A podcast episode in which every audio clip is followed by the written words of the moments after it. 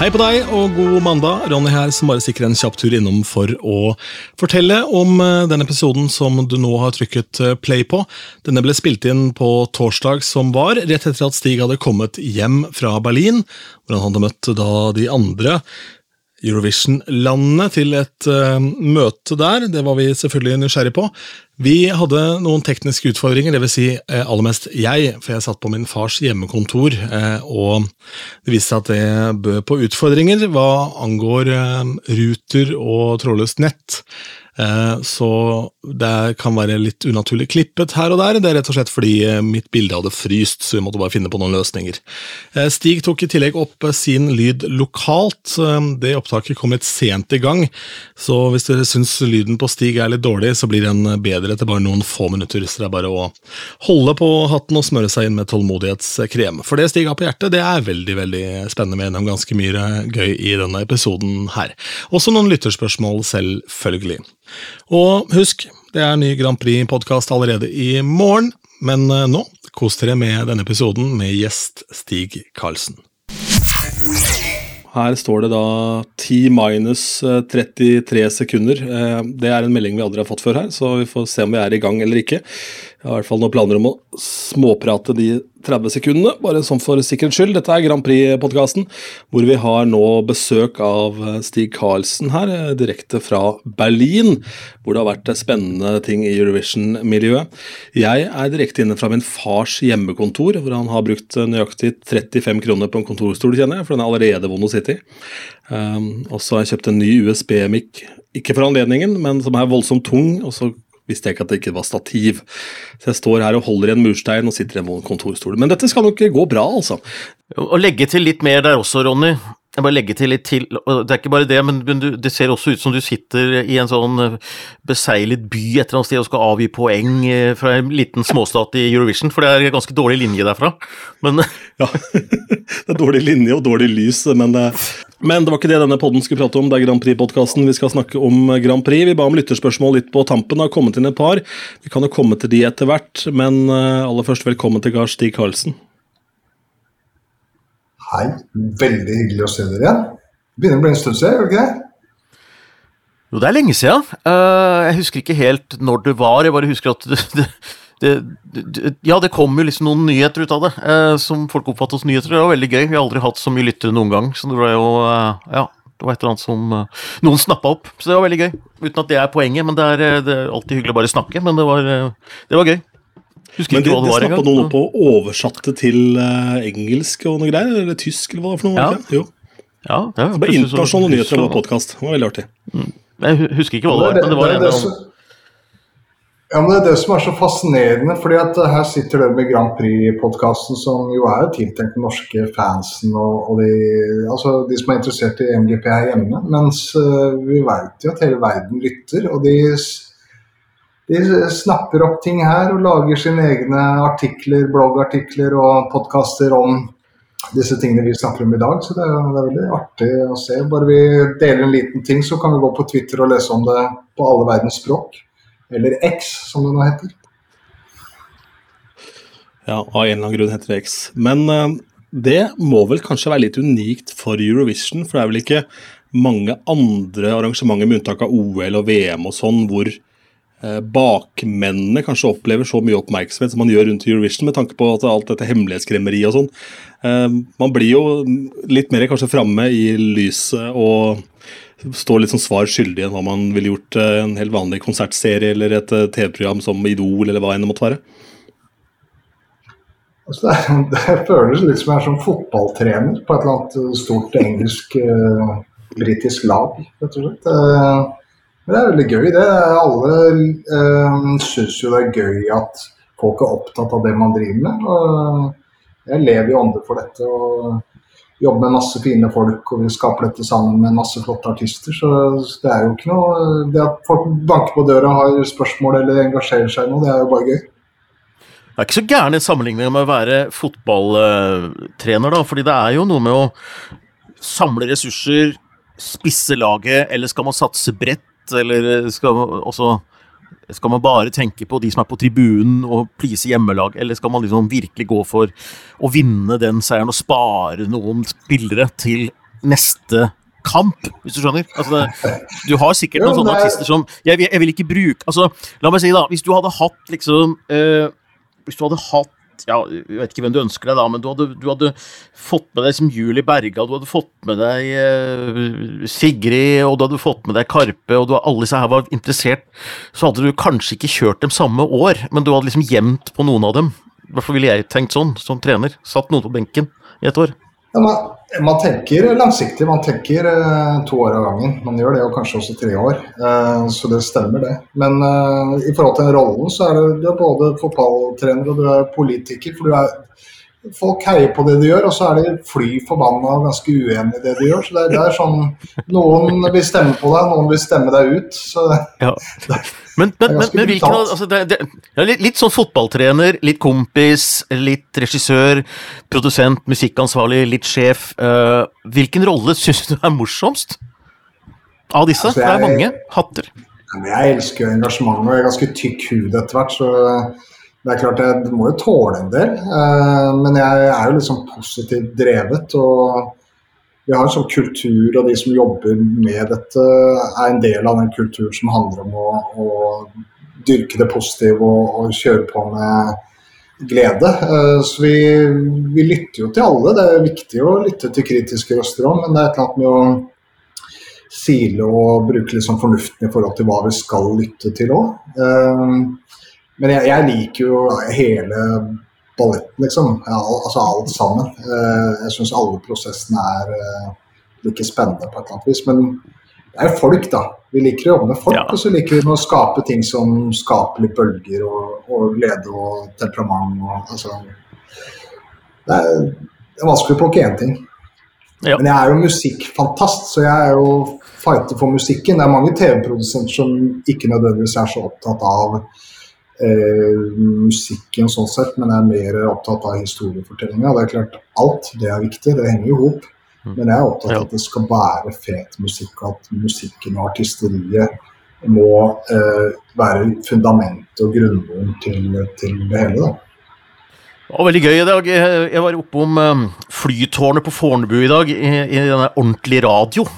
Jeg var gjest hos Stor Andersen der, eh, og det var veldig gøy. For det, det var apropos brenne for musikk. Altså Der var den ene artisten etter den andre som vi andre ikke hører om, men som kommer opp der og spiller musikken sin, og, og det var så veldig hyggelig å sitte og snakke musikk, da.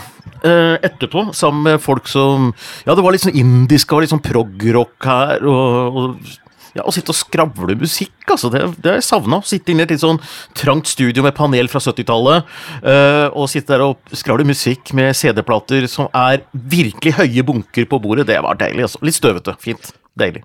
Det, det er eh, helt nydelig.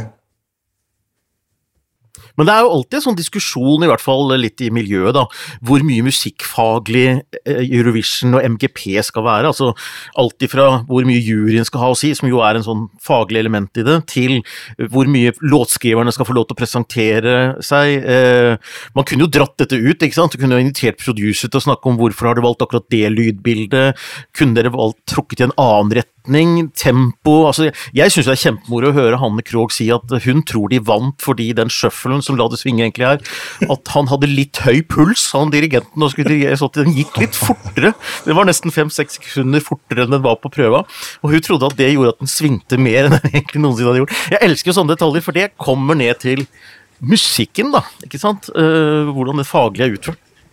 Ja da, vi, vi er mange som elsker det, men uh, the facts er at uh, da blir det fort for nerdete for de fleste. Da. Så, så, så det er bare å se det i øya. Skal man lage et stort, bredt underholdningsshow, så, så må man ta litt sånn hensyn til det. Og det, sånn er det jo litt med musikken også, fordi det er mye musikk jeg kunne tenkt meg liksom å putte inn i MGP, men som jeg um, som rett og slett bare kanskje er litt for smalt, rett og slett. Så man må gjøre man må, altså Vi skal ha en bredde og vi skal ha mye, mye forskjellig, og sånn, men det må allikevel være noe som treffer litt bredt på et eller annet nivå. da.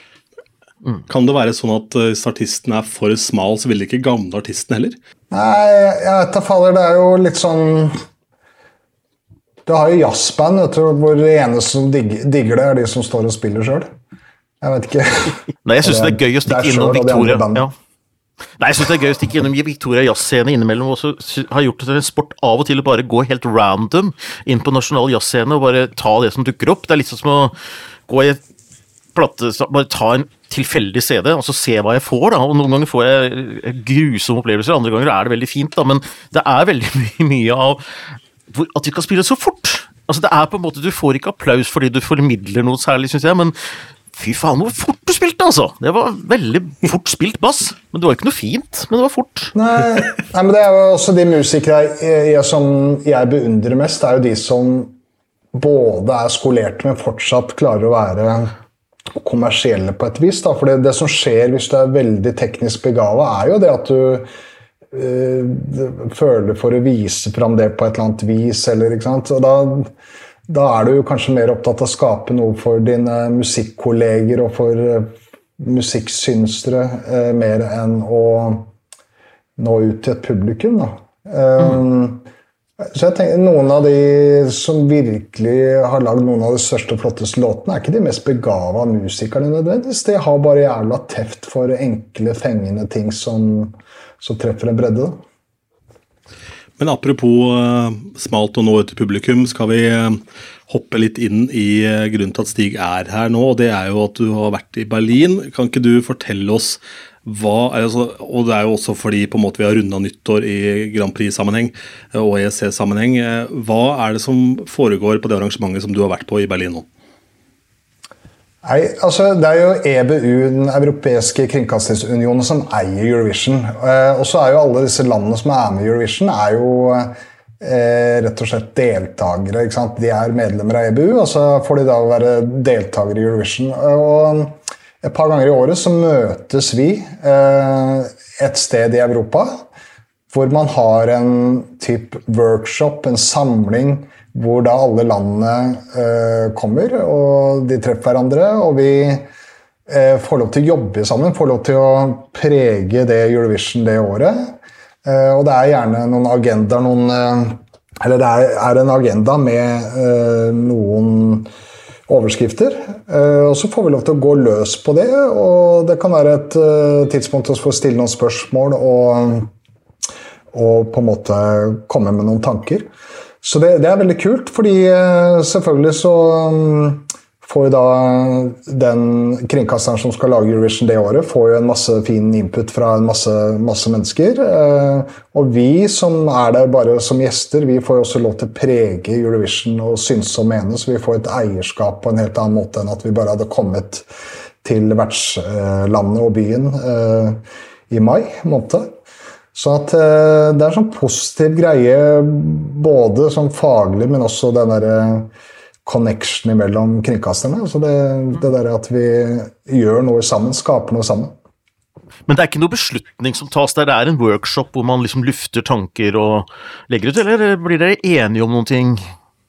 Nei, vi er, eh, er Vi spiller jo inn ting, så det er, det er jo eh, det er, ikke, det er, ikke, et beslutningsmøte, og det tror jeg er greit. At, at EBU får ro på seg til å da sammen med kringkasteren som arrangerer det året, til å gjøre de beslutningene. Men, men det er et veldig åpent fora hvor det er øh, høy takhøyde for å, for å mene ting. og hvor jeg også syns EBU eh, e er flinke til å stille litt vanskelige spørsmål og ikke feige unna ting. Eh, jeg føler ikke at de har sminka seg sjøl i forhold til når de presenterer ting. De snakker om eh, alle de positive tingene, og så er de ganske rå på å dele de tingene som ikke fungerer, og som de er bekymra for, og som, som de tenker at dette trenger vi å diskutere, dette trenger vi hjelp til. Du, det er jo veldig spennende. Kan, kan, du si noe om uh, hva er det som liksom er på blokka nå, da, som ikke funker helt? Ja. ja, altså Nå er det jo EBU som eier dette møtet, så det er de som må få lov til å dele de nyhetene og, og temaene og sånn, men, men uh, Det er lov å prøve. Det er lov å prøve, uh, men det er jo Nei, det, det er veldig sånn veldig, jeg føler at når vi kommer dit, så er det relevant. Da. Det, er ikke, det er ikke en agenda som føles fremmed. Det er ting eh, som ligger i tiden, og som jeg tror alle kringkasterne tenker på. Eh, så, så, det føles nyttig, det føles bra, det føles eh, Ja. Det, det, det, ligger så masse kraft og håp i, i, de tingene som vi tar tak i. For vi snakker liksom om et enormt prosjekt som har vart i snart 70 år, og som man jo snakker om at uh, nå skal man bygge for de neste 70 årene. ikke sant? Og det, den der kraften i det fellesskapet og, ja, og hva, hva, skal vi gjøre for å få til det? Fordi, ikke sant eh, Det er ingen selvfølge. Eh, verden er i endring hele tiden. så det å klare å holde det relevant, klare å holde på et publikum klare å gjennomføre eh, et så stort arrangement med så mange land, er Det gjør seg ikke sjøl. Eh, det krever virkelig, virkelig uh, hardt arbeid og koordinering og, og, smarte tanker i forhold til strategi og branding og hvordan jobbe mot forskjellige plattformer og mm. med diverse utfordringer mellom ja, kringkaster og land og det ene og det andre. Ja. Men du er jo flink til å legge ut på Eh, Instastory hva du holder på med og sånt, og dette snapper selvfølgelig folk opp, og det bringer meg over til det første uh, spørsmålet fra seerne her, da. Uh, det er Siv, som du sikkert kjenner, og som vi kjenner, som så dette bildet av en snitsel. Du er glad i snitsel, jeg er glad i snitsel. Jeg har en restauranttips til det der. På Kopperud ved Gjøvik, hvis du noensinne er på Gjøvik, så skal du ta bilen eller buss eller hva du reiser litt utafor, til et forstad til Gjøvik, i den grad det finnes. som heter uh, Schnitzelhaus. Det er en uh, slovaker, slovener, tror jeg det er, som driver det stedet. Og han elsker snitsel, og det er en spesialrestaurant med snitsler. Eh, bare som et tips, da. Men eh, i hvert fall så hadde lagt ut en story hvor det sto 'Mission accomplished'. Og eh, Siv spør da om er det en dobbeltbetydning fordi du dro til dette her eh, workshopen, kanskje med en tanke om å redusere juryens makt? Til 30 Du har snakket noe om det, at du, du gikk for det. Det var vel i denne podkasten til Ungarn. Om det var det som var mission, eller om det var å skaffe deg en snitsel? Altså, jeg la vel ut en eh, post før jeg reiste til Berlin hvor jeg sa at jeg hadde to eh, oppgaver, eller to mål, med denne turen. Og det var eh, Eurovision preparation, og det var eh, å få meg en snitsel. Eh, okay. Så det bildet jeg la ut i går, var rett og slett bilde av en snitsel og en øl. Eh, og Det er det oppdraget jeg klarte å komme i mål med. Jeg fikk eh, kose meg med gode kollegaer fra 40 nasjoner og spiste snitsel før jeg reiste tilbake til Oslo. Så, så det, er, eh, det, var det som var eh, det var det som var rett og slett det jeg fikk til. Veldig fornøyd med det. Jeg... Det, er liten over, det er en liten overtolkning da, å tolke ut av dette at nå får juryen mindre makt neste år. Altså, det er overtolkning av snitselbildet. Snitselgate. Ja. Ja, og så er det når jeg prater, så tas ting noen ganger litt sånn bokstavelig. Så jeg har vel egentlig aldri sagt at jeg ville ha eller fighte for en 30-70 %-greie. Jeg har vel snakka om at jeg tror det ville vært lurt å gjøre en liten justering, fordi at nå har gapet mellom juryen og publikum vært så stort i, i flere år. Så jeg tror jeg liksom ville i hvert fall minst sett på en liten justering. Eh, mm. Fordi at hvis man fortsetter å få dette hvert år, så begynner jo folk å miste liksom, liksom troa på konkurransen og mister eh, Altså da blir det et omdømmeproblem, da. Så, og jeg tror på en måte modellen med jury og folk er veldig bra, fordi at det skaper engasjement, og juryen er jo der for å ivareta liksom en uh, poenggivning knytta spesielt til håndverk og musikk, mens publikum kanskje er noen ganger lar seg lede av det litt spektakulære og, og uh, har litt Man stemmer jo litt mer på hva man føler. Uh, det skal man jo, men, men, hvis du har en jury der, så har de litt sånn ivareta liksom musikalske kvaliteten òg. Så det tror jeg er viktig. Og så har det vært litt sånn nabostemning og ting som også juryen liksom skulle passe på å balansere litt.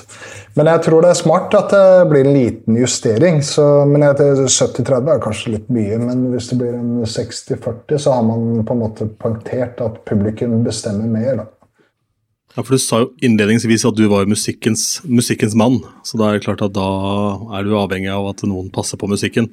For her vil jeg jo tro det er to leirer også innad i de som jobber eh, med din, eh, som har din stilling i de forskjellige landene. Da. De som er for showet, og de som er kanskje mer for musikken. Er det, er det noen form for um, rivalisering? Sånn, altså, merker man på det at man ønsker å bryske seg mot de andre?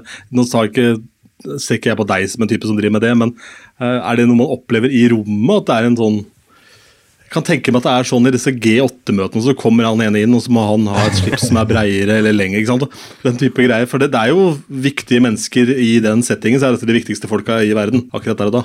Ja da, det, om det ikke er like viktig som det de gjør med altså disse FN-møtene og alle de tingene, så er, så er, det litt så samme settingen. Og, og, det, og, det, er jo viktig. Altså, Symbolsett så er jo denne konkurransen superviktig i forhold til at Europa ser hverandre til noe, til noe hyggelig, noe positivt. Um, men, nei, da, men, det er jo forskjellige individer, og det er forskjellig kultur, land uh, De forskjellige kanalene har litt forskjellig synspunkt på hvordan de har lyst til å gjøre ting og sånn. Uh, men jeg er jo liksom more is more-guy. Jeg vil jo ha begge deler. Jeg vil ha drittfin musikk, og så vil jeg samtidig at vi skal lage både et underholdende og mektig show.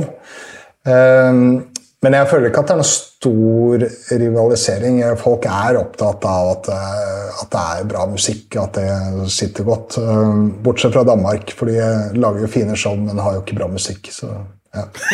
nei, nei, det var uh, Der fikk du den saken, Tangen. Kjør!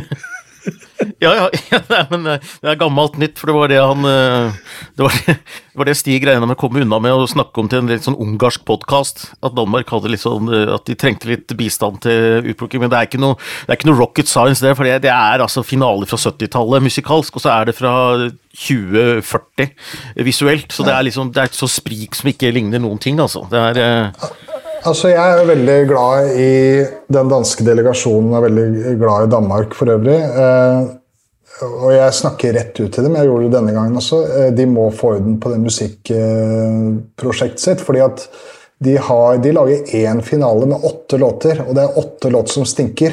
Og jeg, jeg tenker Det er jo for gærent. Ja. Men er det derfor at Emilie de Forrest, Emilie de Forrest har vært med på en låtskrivercamp for MGP? Hun er jo dansk. Uh, ja, men hun er jo dritbra, og det er noen år tilbake. Ja. Hun er jo skikkelig bra. Hun er, hun er helt rå. Så uh, dritbra låtskriver, superbra jente. Uh, og, og, mannen hennes er, er, jo også musiker og, og med og produserer og skriver og er uh, også en superfyr. Så, så, det er jo Danmark må jo tilbake til den uh, tida når de hadde sånne folk med seg på laget. Og nå har de egentlig ikke noe unnskyldning heller, fordi da Lucas Graham slo internasjonalt, så var jo på en måte Danmark på alles lepper igjen. Uh, det var de for så vidt med Aqua også, men det er jo en helt annen greie.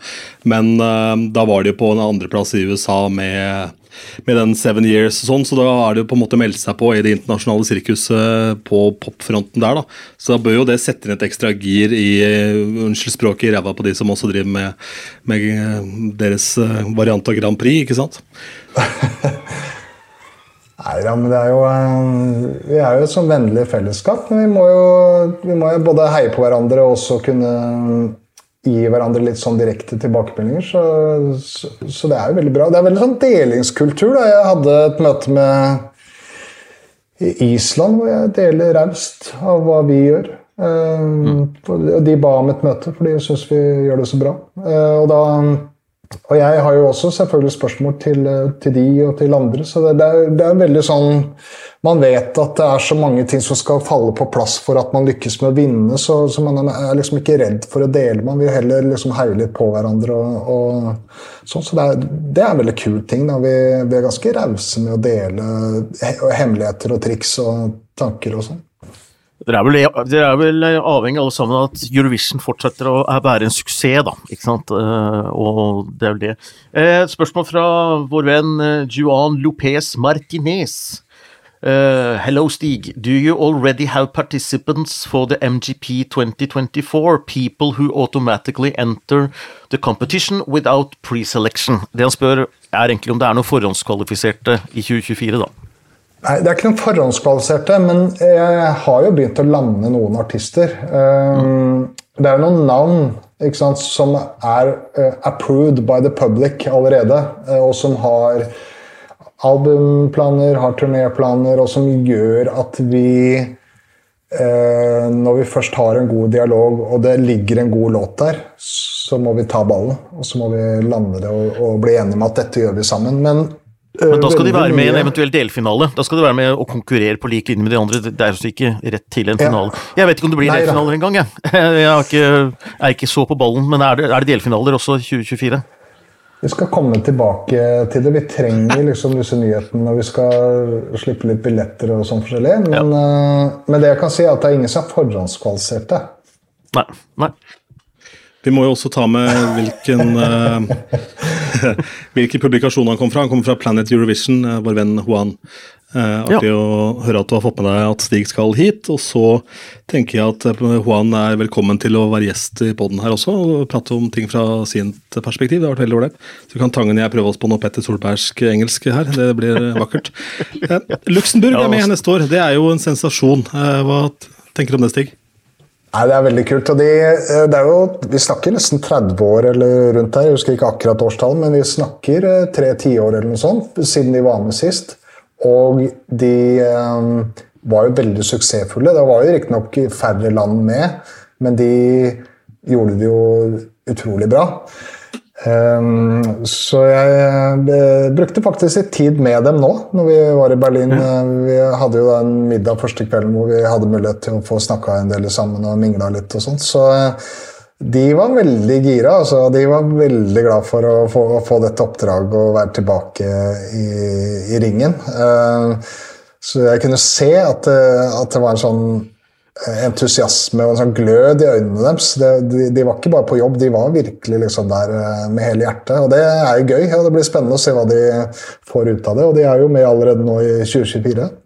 Så, så det var veldig hyggelig å hilse på de, og det er et, eh, det er et bitte lite land, men eh, det betyr jo ikke Det trenger ikke å bety at det ikke kommer bra musikk derfra for, for det. Det kan være kan komme mye fint ut av det. De har jo bevist det før. Det er noe med navnet Luxembourg som bare er sånn Det er sånn Grand Prix-aktig. Mm, det er sånn Grand Prix-aktig navn. Luxembourg. Ja, jeg spilte jo opp en låt i forrige episode også. Ja, som kanskje kan være en av deltakerne, som det spekuleres i. Det var en flott låt, så det blir veldig gøy. Eh, ja, Stig, litt tilbake til dette her eh, nyordningen som jeg syns er eh, utrolig spennende. Jeg vet at noen er kritiske til det. Men at alle låter som kommer etter 1.9, kan i prinsippet være med i MGP. Så er det noen som har sagt at det tar bort magien, og, og, men jeg, jeg kan jo ikke se for meg at det blir, hvis du skal ha én finale, at det er ti låter som alle har blitt gitt ut på den måten, eller at det blir 21 med delfinale. Jeg vet ikke hvor mange låter det blir, men jeg kan ikke skjønne at det blir liksom alle låtene er kjent fra før, så det blir vel fortsatt en miks, da, skulle jeg tro, av eventuelt kjente låter og låter laget for MGP. Ja, nei, det er eh, For å si det sånn, fra da 1.9. til vi må begynne å lande alt sammen, så er det bare seks uker. Og i, den, i de seks ukene så er det så mye som foregår, sånn at vi har faktisk ikke veldig mye tid til å jobbe eh, med det nye regelverket og det nye konseptet. For vi løper av gårde med veldig mange ting som er satt i gang lenge før det. Så det kommer ikke til å eh, bli sånn at eh, all musikken nå er det altså musikk fra listene eller som har kommet etter 1.9. Det blir spennende å se hva som kommer ut av det. Om det kommer noe ut av det hele tatt, det tror jeg jo, og det håper jeg jo. Men uh, dette er jo en test, uh, og, så får vi evaluere det. Uh, men jeg tenker bare åpne mulighetsvinduet enda mer. Da, og det blir spennende å se om det blir litt, sånn hev, litt mer heavy spekulasjoner etter hvert. Spennende å se hvordan det blir, om mediene tar tak i noe. Og Og er jo litt dialog med bransjen om ting som kommer ut nå, sånn, så det, det er jo noe bevegelse der. Men det kommer jo ikke til å Og i hvert fall ikke nå eh, i denne tida, altså dette året og neste år, så kommer jo ikke til, det kommer ikke til å revolusjonere eller endre GP veldig. Men det hadde vært veldig gøy om det hadde en effekt, og at det, at det både skjedde litt både i engasjementet og i materiellet da, som blir plukka ut. Det hadde vært gøy. Og det har jo skjedd mange ganger også at låter som på en måte er gitt ut, må gis ut en gang til for å bli hit også. Og da får man jo den boosten kanskje via Eurovision, eller via Melodi Grand Prix. Og veldig mange velger nok også å utgi låta si rett og slett i forbindelse med Melodi Grand Prix, fordi da har man alle landets øyne mot seg. Så det vil jo bli en fin miks og synergi Ja. her, tenker jeg. Det blir Eh, Stig, vi har fått et spørsmål fra Stine Jeanette Slettbakk her. Hun har flere spørsmål, jeg tror, jeg, bare, tror ikke jeg tar alle. Men jeg syns det er ett som var litt morsomt her. Eh, sett bort fra de som har vunnet MGP mens du har vært eh, musikkansvarlig, hvilke sanger tror du kunne hatt en sjanse til å vinne av alle taperne vi ikke har sendt opp gjennom årene? Har du liksom, er det noen du har lyst til å dele med oss som du tenker at ah, det var synd vi ikke fikk testa ut den låta internasjonalt? Det er veldig vanskelig å si, og så er det jo et eller annet med uh, Dette er jo veldig enkelt, fordi at vi dytter jo disse artistene ut på scenen, og så skal folk uh, stemme, og eventuelt så er det en jury der, og så får man et resultat. Så det å begynne å ønske seg noe annet eller, eller uh, snakke om noen andre som kanskje hadde gjort det bedre, det, jeg ikke, det er ikke rettferdig for noen. da. men det er klart at og Det tenker jeg er litt sånn opp til fansen å diskutere. Det er gøy, det er gøy materie, ja. materie men, eh, men, jeg tror jeg skal holde meg langt unna det. Um, men har du, men har, du, har du, tenkt noen tanker? Du skal få slippe å dele det, men har du, har du tenkt tanken at ah, det året der skulle vi selvfølgelig sendt den? Uh, ja. ja. det har jeg gjort. Jeg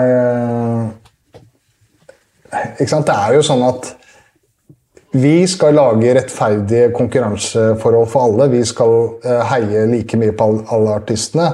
Men selvfølgelig har jeg noen favoritter. Selvfølgelig har jeg noen jeg tror mer på enn andre. Og så mm. sender vi dem ut der, og så er det jo da opp til publikum, eventuelt jury, å mene og stemme. Og så, og så, må det gå som det går. Men uh, det er klart jeg har uh, tanker om det. det uh, som du innleda med, at du, litt sånn fotballtrener. Som fotballtrener så må en jo også vite litt om, tenker jeg, og eh, hvem som nå er i form, og hvem som man da ønsker å satse litt ekstra på for å spisse laget. Så jeg er blant de som har sagt at jeg håper jo at NRK har en eller to favoritter som de tenker at denne kan vinne, for det handler om å spisse laget. Man kan ikke bare ha folk som spiller back heller. Her sitter du ikke fotballreferanser, herregud, hva skjer med meg, Ronny? Du, et annet spørsmål, et annet spørsmål Stine, fra Stine her. Eh, om du fikk bestemme helt selv, hva ville du ha endret med Esk? Og så kan jeg da legge til fordi det jeg veit er diskutert, fordi det har vært åpent om det, det er jo kutte ned på sendetida, for mange syns det blir litt langt. Og hvor man eventuelt da skal kutte. Så så jeg det var uh, inne på et forum hvor Carl Henrik Wahl, altså DJ-en og en av låtskriverne til uh, Subwoolfer, skrev at uh, et forslag er å gå ned til 2.30 på låtene. Eh, jeg har ikke hørt det fra annet offisielt hold. Men, men å kutte én time, da er det mye som må skje, Stig. Har du noen tanker om det, eller eventuelt andre endringer som bør gjøres? Som du kan dele, da? Eh, nei, Det er helt sikkert noe å hente noen steder for å effektivisere programmet litt. Eh, samtidig så er det en stor festkveld hvor det skal, måte, skal være litt lengde på det, det showet der. Eh, det skal være en kontrast til korte, små TikTok-videoer og alt mulig annet som surrer og går i høyt tempo, og som er i kortformat. Men, men det er klart at Nei, det fins alltid steder å ta men Man skal bare huske på at det er jo en liturgi. Det er en oppbygning av stemning og fellesskap og høytid som man må ta vare på. Så man må ikke bare eh, være konkurranse alene. Man må ivareta hele den store rammen.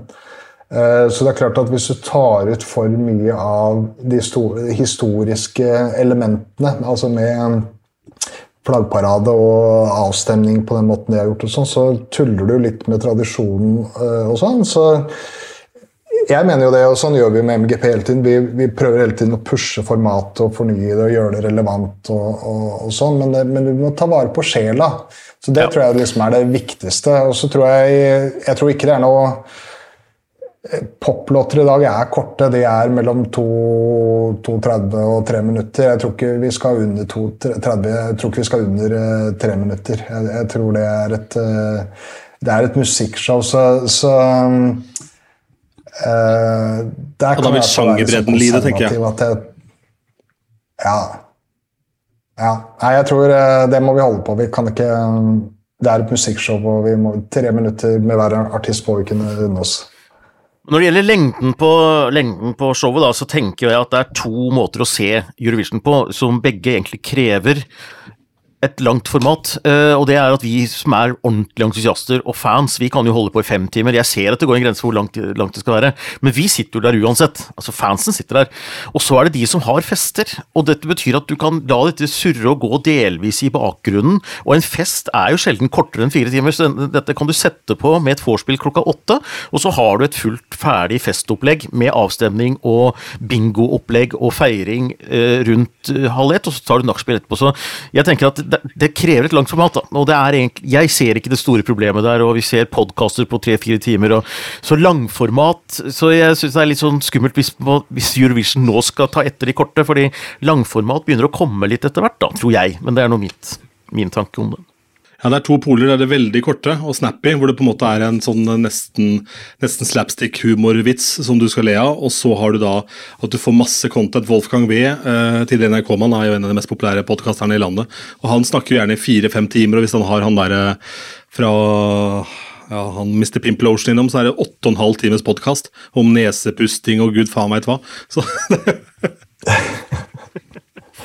Ja, men Det å vite hva som er populært er helt umulig. Jeg satt i går på Sentrum Scene og satt og så på jeg sier eh, skravling er den nye rocken. da, fordi at uh, Stappfullt hus på pod-innspillingen av Aftenpodden kvelden etter kommune- og fylkestingsvalget trekker fullt hus og det er full latter og det er full moro, og det, og det, viser at folk har behov for å samles foran et slags type lerret, uh, og en slags felles referanse som du har hvis du er lytter av podkasten pod, Aftenpodden, og som du har hvis du er Eurovision-seer. Så har du dette fellesskapet som uh, Det skal være en, en rare tallrekka fra én til tolv som er litt magisk som du sier, flaggparaden har jo vært der siden 2013.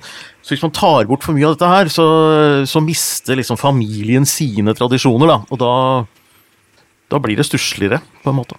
Jeg er ikke veldig bekymra, fordi eh, hvis vi ser nå da på eh, de som på en måte har fremmet at de skal effektivisere Eurovision litt, så tror jeg det har vært eh, litt sånn drevet av SVT. Det er i hvert fall det jeg har, sånn jeg har forstått det. Jeg tror det er der forslaget har kommet fra, uten at jeg skal eh, si det med sikkerhet, for det vet jeg ikke. Eh, så er jo dette en ekstremt kompetent gjeng eh, når det kommer til Eurovision. Og Christer Bjørkman er jo han er jo inne igjen i, i varmen etter å ha pusha Eurovision-sirkuset til litt andre verdensdeler. Han driver vel fortsatt med det.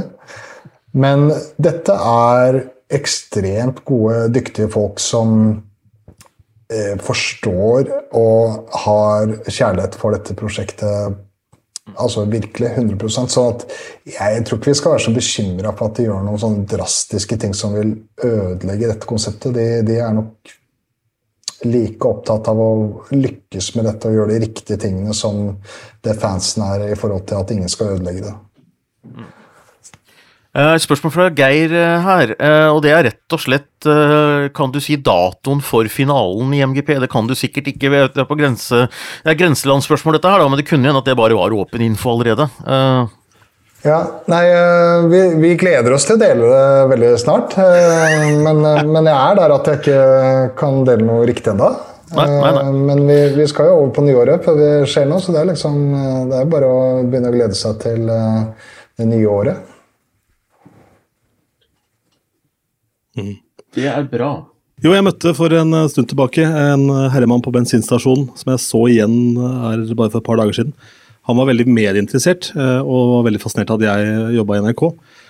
Og Så fortalte jeg at jeg skulle gjøre podkast med deg, Stig, og da lurte han på hva slags bakgrunn du har. Altså, Hva er du utdanna som, hvordan ender man opp i den posisjonen? Nei, altså Først så er man skikkelig ræva på skolen. Det, det er der det begynner. Uh, jeg, jeg, noterer. Jeg er pappa til en åtteåring. Ja. Skikkelig ræva på skolen. Ja. Og da må du jo begynne å tenke på hva fader skal jeg gjøre med livet mitt.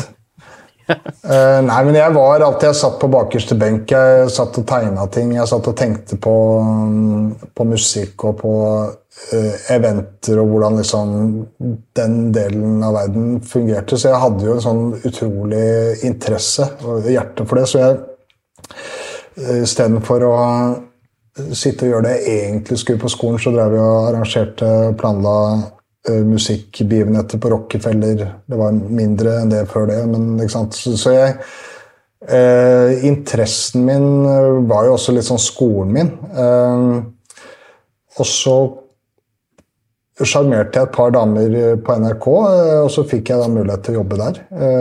Rett og slett med å begynne å koke kaffe og, og være assistent. Gjorde klar møterom. Og sto inne i det rommet og tenkte når jeg har gjort klart det møterommet, og kaffen sto der, og det var kaker eller boller, eller hva det var, så tenkte jeg her skal det diskuteres viktige ting. Og jeg tenkte at jeg hadde verdens fineste jobb og verdens viktigste jobb som hadde gjort klart det møterommet til, til noen andre. Eh, og så har jeg jobba i NRK i mange år og egentlig liksom sagt takka ja til alle muligheter jeg har fått. Og så har, jeg, har NRK vært min skole. Eh, men da drevet av den interessen for musikk og TV og, og eh, la, altså skape ting. Da, underholdning. Eh, så så jeg har jo vært, hatt verdens beste skole og lagt Altså, jeg har jobba ræva av meg. Jeg har jobba mer enn de fleste. Eh, og det er mange som jobber og mange som er superflinke. Jeg har, har så mye flinke kollegaer rundt meg. Men, men eh, skal jeg være helt ydmyk og helt ærlig, så har jeg nok jobba enda hardere enn de fleste. Eh, mm. så, og det, det, må du hvis du er eh,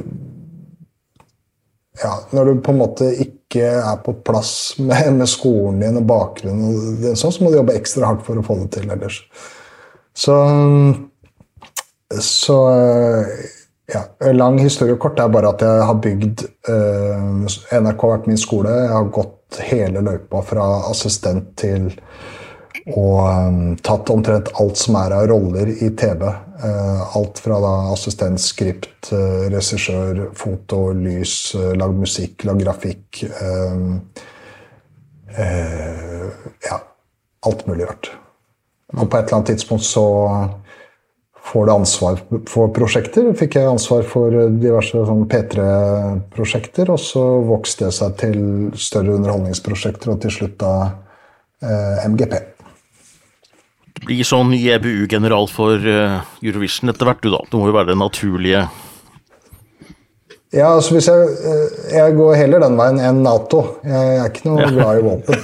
Jeg er glad i konfettikanoner, men ikke jeg, jeg, er jo ikke noe glad i skytevåpen. Nei. Nei, nei. Da vil jeg avslutte med et høyst personlig spørsmål fra meg til deg. Og så får vi se hva svaret blir. Men eh, skal du en tur til New York i januar, eller hvordan er det? Mm. Men det er desember du snakker om, er det ikke det? Uh, ja, unnskyld. Desember, ja. Selvfølgelig. Uh. Ja, desember Kiss, Kiss, Kiss, selvfølgelig vi prater om her. da. Det er jo deres siste gigs i livet. Har du klart å sikre deg billetter til Madison Square Garden? Nei, jeg har ikke noen planer å reise over. Jeg runda av med de og 20 000 andre mennesker i, i Tønsberg. Um, men jeg har jo et sånn livslangt forhold med de. Jeg var jo sju år gammel og hadde tapetsert eh, tak og vegger med Kiss-postere, og så blei det etter hvert eh, til et rett og slett eh, et forhold hvor jeg ble kjent med dem og fikk et både profesjonelt og privat forhold til dem. Så jeg trenger ikke å gå inn på hele den historien, men det er et eller annet med å ha med seg idolene sine fra når du er sju år gammel, og til å ende opp med å faktisk jamme med dem og, og jeg har et kompisforhold til dem. Da. Det er et av verdens største rockeband, så det er, det er veldig kult. Men, uh, så jeg var backstage med de i Tønsberg.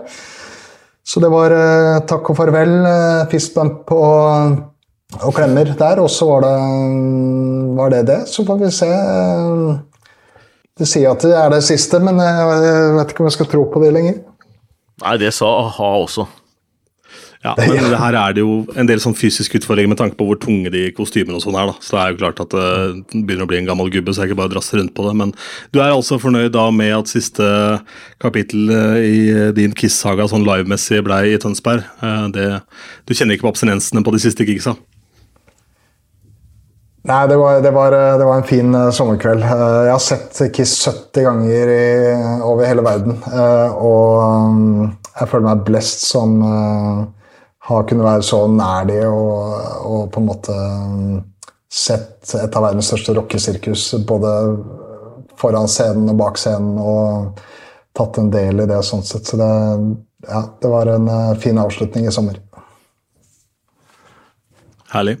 Det var også en fin avslutning på podden, tenker jeg. Eh, så da skal jeg ta og dra for gardinene her i Kjells hjemmekontor, og så skal vi kjøre musikkbingo etter hvert. Du, Tusen takk for at du stilte opp, Stig. Det er alltid. Bare ring meg. Det var veldig hyggelig. Det gjør vi. Og så Så- skal jeg dele litt mer etter hvert om dato Ja, ja. og format og sånn. Det gleder jeg meg til. Det kommer når det skal, men eh, nå, er det, nå er liksom sesongen i gang. Nå blir det lyttergrupper, og det er eh, spekulasjoner. Og det gøye nå, eh, Ronny og Stig, det er jo at eh, vi kan være detektiver og snappe opp låter som blir gitt ut fra 1.9. utover. Så alle som ser og hører på, eller hører på dette her, da eh, Har du en låt, så send et tips til Stig om at den låta burde være med. Men du har noen uker på deg, da. Så det er gøy. Moro.